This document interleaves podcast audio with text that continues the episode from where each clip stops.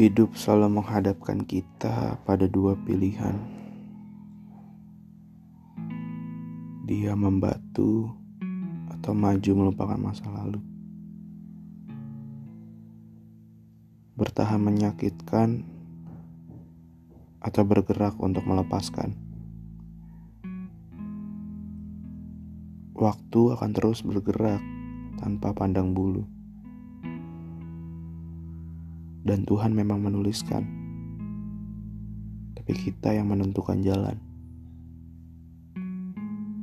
Dia menunggu tanpa melakukan yang kamu mau, maka bersiaplah kamu untuk disapu waktu. Padahal tiap-tiap dari kita ini tahu kalau waktu akan selalu bergerak maju. Lantas sebenarnya apa yang kita tunggu? Sampai kapan kita menunggu untuk bergerak barang satu atau dua langkah maju? Suatu hal yang kamu tunggu tidak selamanya harus kamu tunggu.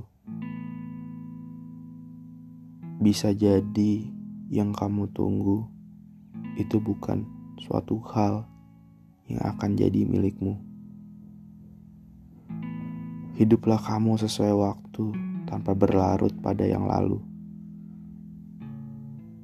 Tidak perlu kamu lupakan, cukup maafkan dan ikhlaskan apa yang telah lalu. Anggaplah itu sebagai batu loncatan untuk menjadi sesuatu yang baru. Sampai kapan kamu diperalat masa lalu?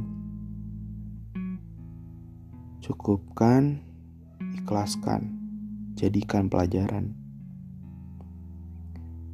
Tidak semua hal pantas untuk dipertahankan, dan tidak semua hal layak untuk mendapatkan tempat di dalam pikiran. Hidupmu tidak boleh berhenti hanya karena masa lalu yang menyakitkan. Dan hidup adalah tentang pilihan. Jika bertahan menyakitkan, Lantas mengapa kamu tidak coba untuk ikhlaskan sebagai sebuah pembelajaran?